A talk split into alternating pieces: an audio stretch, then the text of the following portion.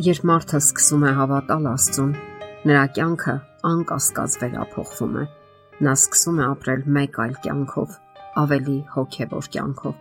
Սակայն շատերն ասում են, որ չգիտեն թե ով է Աստված, որտեղ է նա եւ ինչպես գտնել նրան։ Նշանավոր գրող Նոբելյան մրցանակի դափնեկիր Օլգա Տոկարչուկը հնադարը եւ այդ ժամանակներ գրքում այսպես է գրում. Տարօրինակ է, որ արտաժամանակային Աստված Երևան է գալիս ժամանակի ու դրա փոխարկումների մեջ։ Եթե հայտնի չէ թե ուր է Աստված, իսկ մարդիկ երբեմն նման հարցեր են տալիս, պետք է հայացքն ուղղել այն ամենին, ինչը շարժվում է ու փոփոխվում, ինչը չի տեղավորվում ձևի մեջ, ինչը երերում է ու չքանում։ Ասել է թե ծովի մակերևույթին, արևապսակի պարին, երկրաշարժին, մայրցամաքների տեղաշարժմանը, ձնհալին ու սարսափադաշտերի ուղուն, ծով հոսող գետերին, սերմերի ծիլ տալուն, լեռները հղկող քամուն, պտղի աճին մորար գանդում, աչքերի շուրջը գոյացող կնճիրներին, մարմնի քայքայմանը դագաղում, գինու հասնելուն, անձրևից հետո բուսնող սնկերին։ Գրողի նկարագրած ուղին մեկն է այն ուղիներից, որոնցով հնարավոր է ճանաչել Աստծուն եւ ապա գտնել նրան իր խոսքի մեջ Աստվածաշնչում։ Դրանից հետո մարդը փոխում է կամ պետք է փոխի իր կենսաձևն ու ամբողջ կյանքը։ Սակայն շատերը վատնում են իրենց կյանքը այնպիսի մանրուքների վրա, որոնք էական չեն եւ վնասում են Աստծո հետ ունեցած փոխհարաբերություններին։ Մի տարեցկին հնարավորություն չէր ունեցել գնացքով ճամփորդելու։ Նա երազում էր գնացք նստել եւ պատուհանից վայելել բացվող տեսարանները։ Դա կլիներ նրա երազած երկար ճանապարհորդությունը։ Գեղեցիկ բնություն, բացվող եւ անհետացող բնապատկերներ, տներ, հովիտներում արածող խաղաղ կենթանիներ եւ իհարկե մարդիկ։ Մի անգամ նրա երազանքը կատարվեց։ Կինը վստահ ու վճռական քայլերով մտավ ուղևորատար վագոն Նա սկսեց տեղավորել իրերը, ուտելիքի զամբյուղն ու փաթեթները, կարգի բերեց նստարանը, պատուհանի վարագույրները, ապա հարմար տեղավորվեց կանխավայելելով բացվող գեղեցիկ տեսարանները։ Սակայն հազիվ էր նստել, երբ հսկիչը հայտարարեց, որ հասել են նշանակման վայրը։ Ափսոս հիասթափված ասաց տարեցկինը, Եթե ես իմանայի, որ մեր ճանապարհորդությունն այսքան կարճ է տևելու եւ արագ ենք տեղ հասնելու, ես երբեք այսքան ժամանակ չէի վատնի մանրուքների վրա։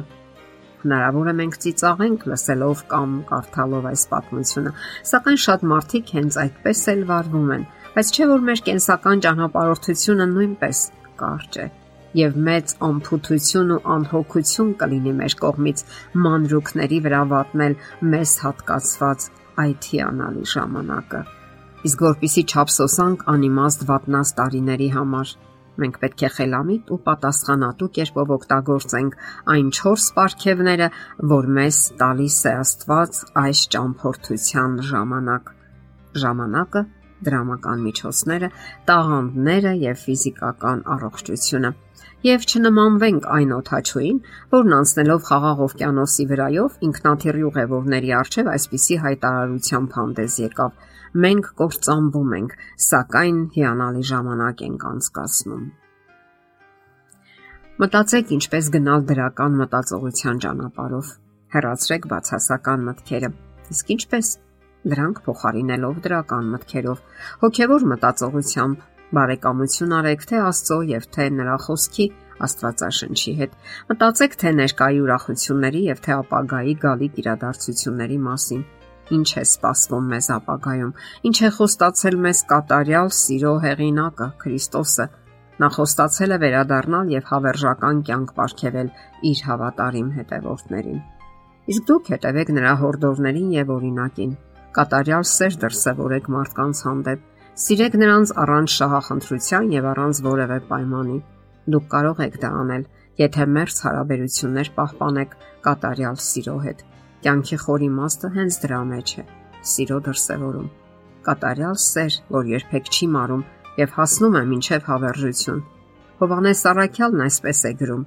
Աստված սեր է, ով սիրո մեջ է ապրում, Աստծո մեջ է ապրում, Աստված էլ նրա մեջ։ Պետրոս Արաքյալը պարզաբանում է, թե ինչպես կարելի է ունենալ Աստծո գիտությունը։